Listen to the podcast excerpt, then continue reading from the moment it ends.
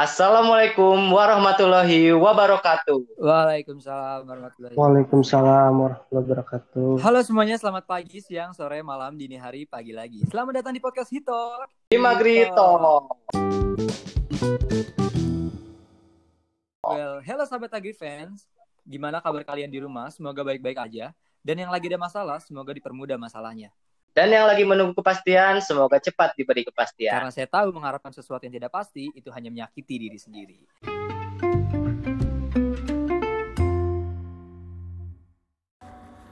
Halo sahabat Agri Friends, kenalin nama gue Hasbi. Gue adalah salah satu host di sini, yang di mana gue nggak sendirian. Gue ditemani oleh teman gue yang nggak kalah nih serunya. Halo Ja. Halo Bi, halo Agri fans, nama gua Raja. Kami berdua bakalan nemenin waktu kalian nih ke depannya.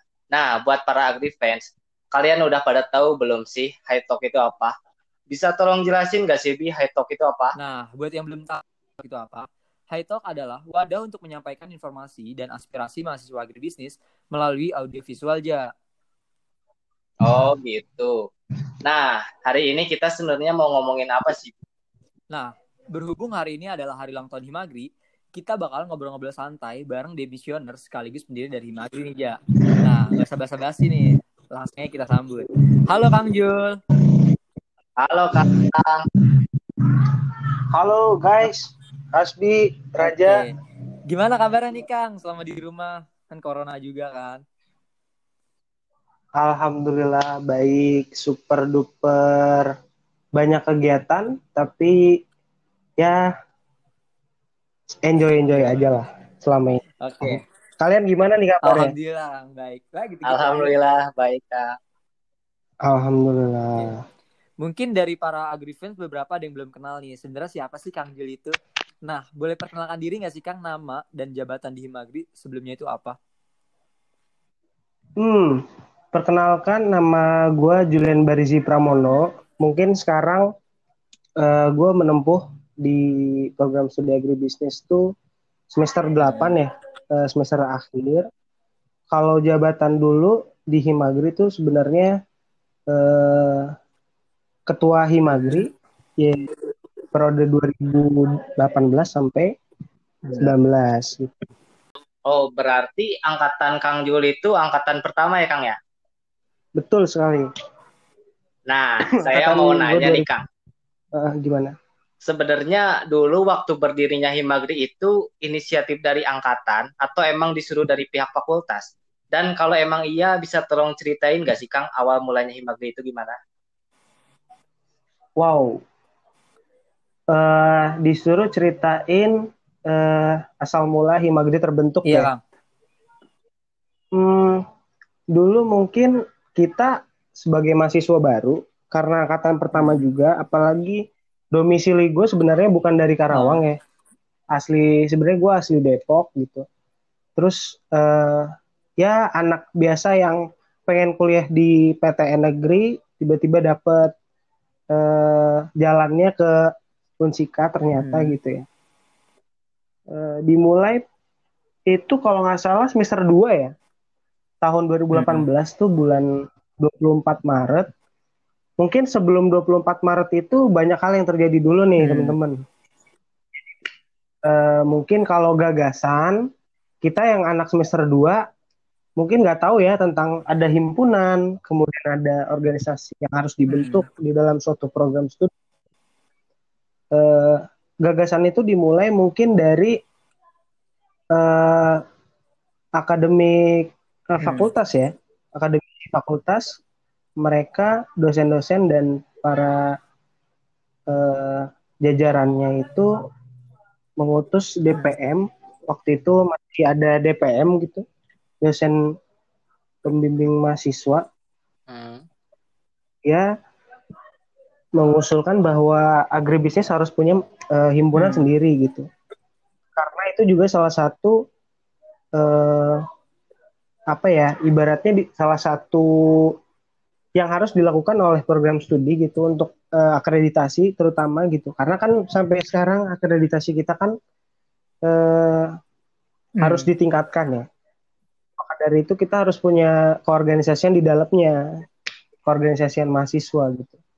Terus uh, maka dari itu si DPM kita, Pak Romi, itu menunjuk beberapa uh, akademisi hmm. lainnya. Itu para ketua di seluruh uh, himpunan, organisasi hmm. tingkat BEM, BLM, kemudian UKM. Jadi semua dikumpulin tuh.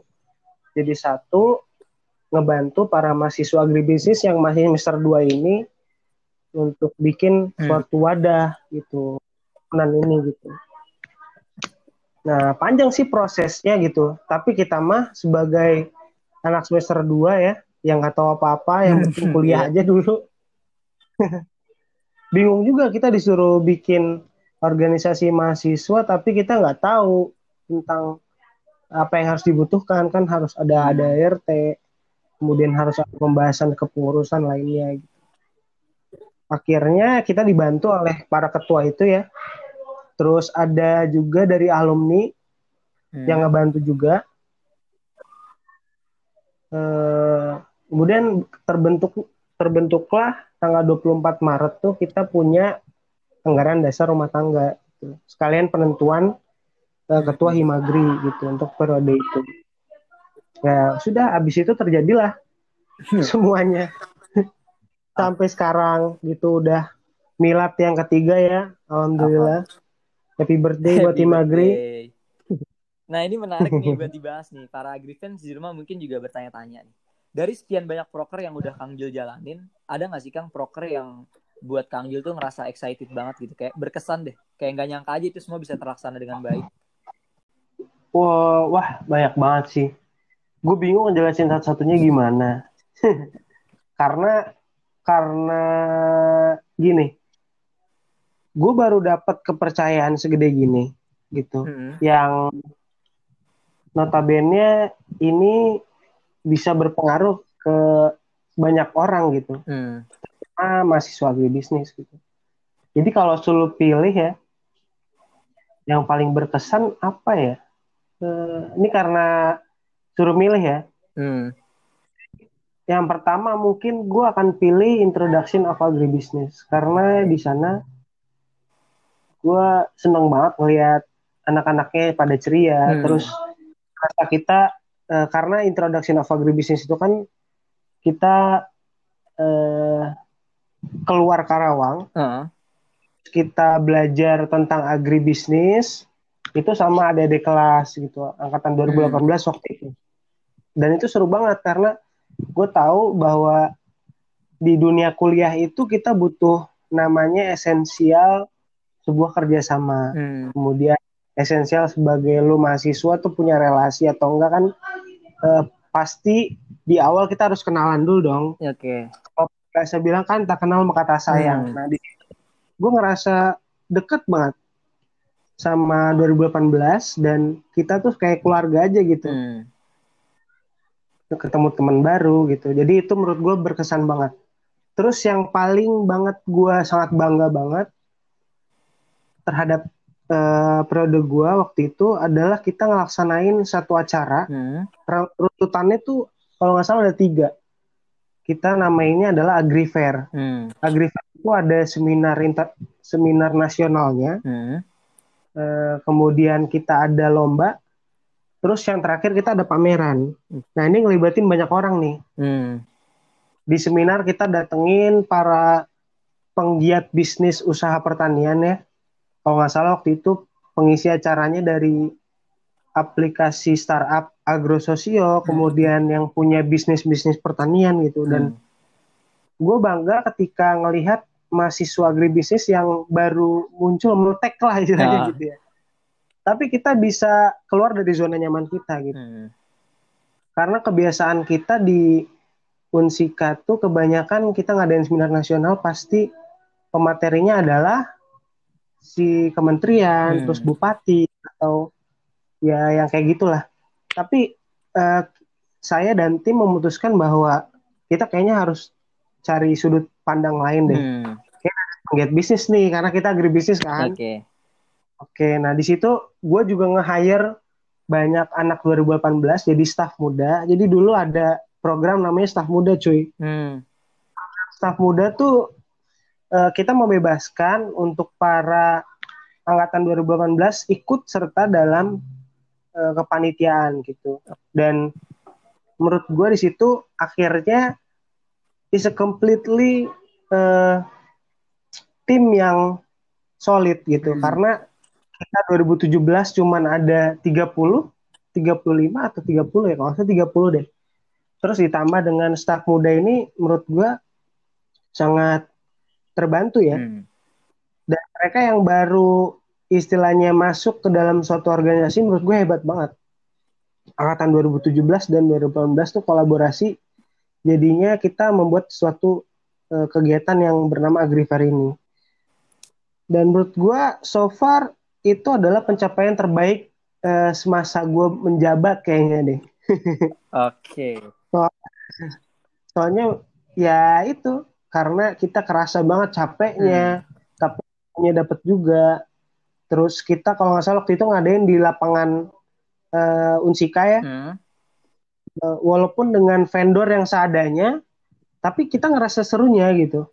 Dan gue ngerasa di situ, wah ternyata awalan ini bisa jadi batu loncatan nih buat anak-anak nantinya gitu. Dan semoga angkatan lu, angkatan berikutnya bisa ngadain acara yang lebih dari itu gitu. Dan buat gue sih itu sih. Oke. Nih Kang, apa masih seputar proker sih yang sebenarnya. Oke, okay, Kang okay. kan angkatan pertama nih. Yang di mana yeah. anggotanya juga masih sedikit gitu kan. Bisa dibilang kayak Betul. founding father gitu lah, kayak pelopornya gitu angkatan pelopor.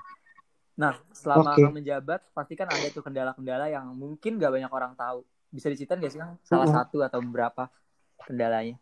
Uh, kendala ya? Iya Kang. Kendala mungkin banyak banget ya. Setiap kita ngelakuin proker tuh uh, kebiasaan kita adalah mengundur sebuah acara hmm. tuh udah kebiasaan banget. Hmm, Karena iya. kita kayak ah kayaknya kurang nih. Ya udah diundur lagi hmm, deh hmm. sehari akhirnya seminggu gitu kan itu uh, mungkin diundur kayak gitu karena banyak kendala hmm. gitu. Terutama karena kita organisasi baru, pematis, dana yang masuk ke kita itu sangatlah sedikit. Hmm. Gue inget banget dulu gue dapet dana tuh cuman satu juta, lu bayangin. Ah. menjalankan satu periode gitu. Dua periode apa satu periode gitu, pokoknya sejuta hmm. aja. Dan itu dikasih di akhir periode gue Oh. Jadi istilahnya kita berjalan tanpa adanya dana. I see. Terus kendala-kendala yang lucu sih pasti banyak ya. hmm. ya. Kendala-kendala seperti kita kekurangan sumber daya, terus kemudian kadang kita udah booking tempat nih ya, hmm. terus tiba-tiba uh, kita di cancel karena kita uh, kalah jumlah oh, gitu. Okay. Istilahnya pamor hmm. kegiatan. Hmm. Gue tuh dulu pengen banget ngadain acara semuanya di Unsika. Kayak kan kita punya fasilitas kayak aula, hmm. terus gedung opon yang gede juga, terus cuman kita selalu kalah cepet lah dari himpunan yang lainnya. Akhirnya gue sama teman-teman yang lainnya bilang kayak ya udahlah kita adain acaranya di luar mulu aja gitu. hmm. gitu dari situ ya banyak lah kendalanya dari sound system mati tiba-tiba sampai uh, pematerinya datang telat sampai dua jam kita bingung kan ngatasin pesertanya gimana. Cuman ya itu kita nikmatin bareng-bareng akhirnya semakin lama kita berproses kan semakin banyak tempaan ya. Iya. Ya menurut gua anak-anak dan gue terutama juga bisa ngerasain gitu. Hmm. rasanya ngadain satu event kita harus punya planning A sampai Z tuh ya kayak gitulah gitu banyak sih kendalanya gila sih sebagai angkatan baru udah ngelangkah sejauh itu gitu Kang keren banget sih semoga angkatan kita sekeren akang.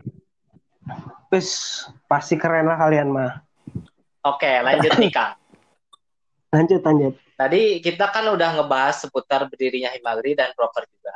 Nah, selama menjabat menjadi ketua Himagri, ada nggak sih Kang hal unik atau hal konyol yang dilakuin para anggota entah itu individu ataupun kelompok atau apa pun deh yang bakalan jadi kenangan yang kayaknya nggak bisa dilupain atau susah dilupain gitu. Ada nggak sih Kang? Hmm.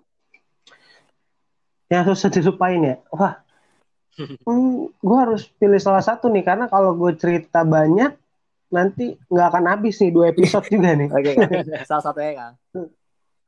Salah satunya ya. Jadi waktu dulu tuh kita ngadain IOA itu di Purwakarta. Hmm. Ya. Di Wanayasa itu tuh uh, sekitar dua jaman dari Karawang hmm. ya. Uh, kita selalu survei uh, seminggu sekali kalau nggak salah itu ke sana. Terus tibalah pas hari haknya gitu. Eh Hamin satu lah, Hamin satu gitu ya. Kita drop barang dong, drop barang-barang yang kira-kira kita bisa drop dulu sebelum kita uh, berangkat hmm. di hari H waktu itu uh, emang kita dari pagi ke sananya terus nyampe sore nyampe siang terus kita setting-setting dan segala macamnya sampailah abis maghrib tuh abis maghrib banyak drama hmm. tuh di hmm. sana dimulai dari drama ada satu pengurus yang tiba-tiba dia mau balik karena ada uh, satu hmm. hal kan terus di situ kita ngelarang karena udah malam pertama kedua eh, eh, medannya tuh sangat susah dijangkau sama ini ya sama hmm. manusia gitu sebenarnya. Akhirnya kita memutuskan bahwa kita pulang semua kalau nggak salah kita pulang semua hmm. di jalan waktu itu gue sama uh, siapa ya? Cia kalau nggak salah ya. Bawa mobil ya malam-malam jam 10 malam hmm. tuh kalau nggak salah. Itu kita pulang ke Karawang tuh. E, karena kita mau ngambil barang apa gimana gitu tiba-tiba di jalan tuh gue karena ngantuk hmm. gitu ya terus nabrak nabrak trotoar sampai bannya pecah. Itu itu sih. Itu gue uh, kayak gimana ya, di tengah-tengah oh. hutan nih hutan sih maksudnya kayak ya nggak ada hmm. orang sama sekali gitu. Ban pecah gitu. Terus gue langsung panik lah di situ.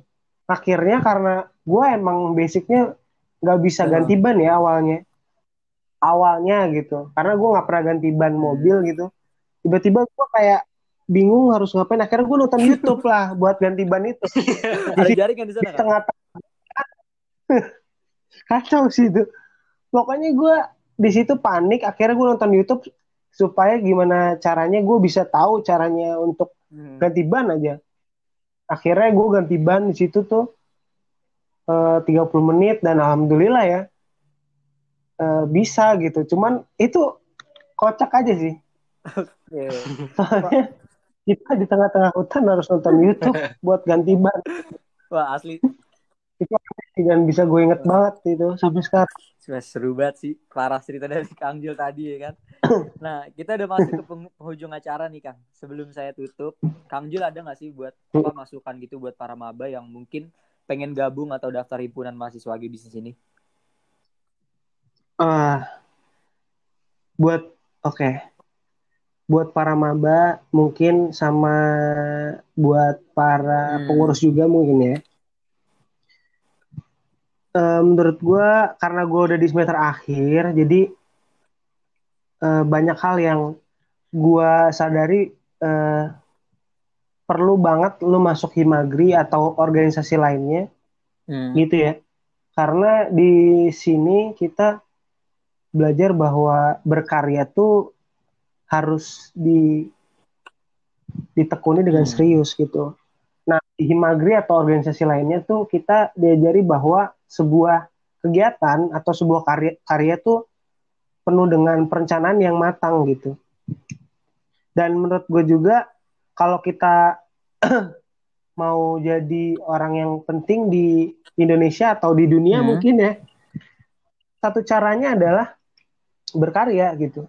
Karena menurut gue kayaknya negara lain bisa penetrasi negara lainnya itu dengan karya. Kalau lu lihat sekarang bangsa Korea hmm. gitu ya, K-popnya bisa masuk ke Hmm. Indonesia gitu.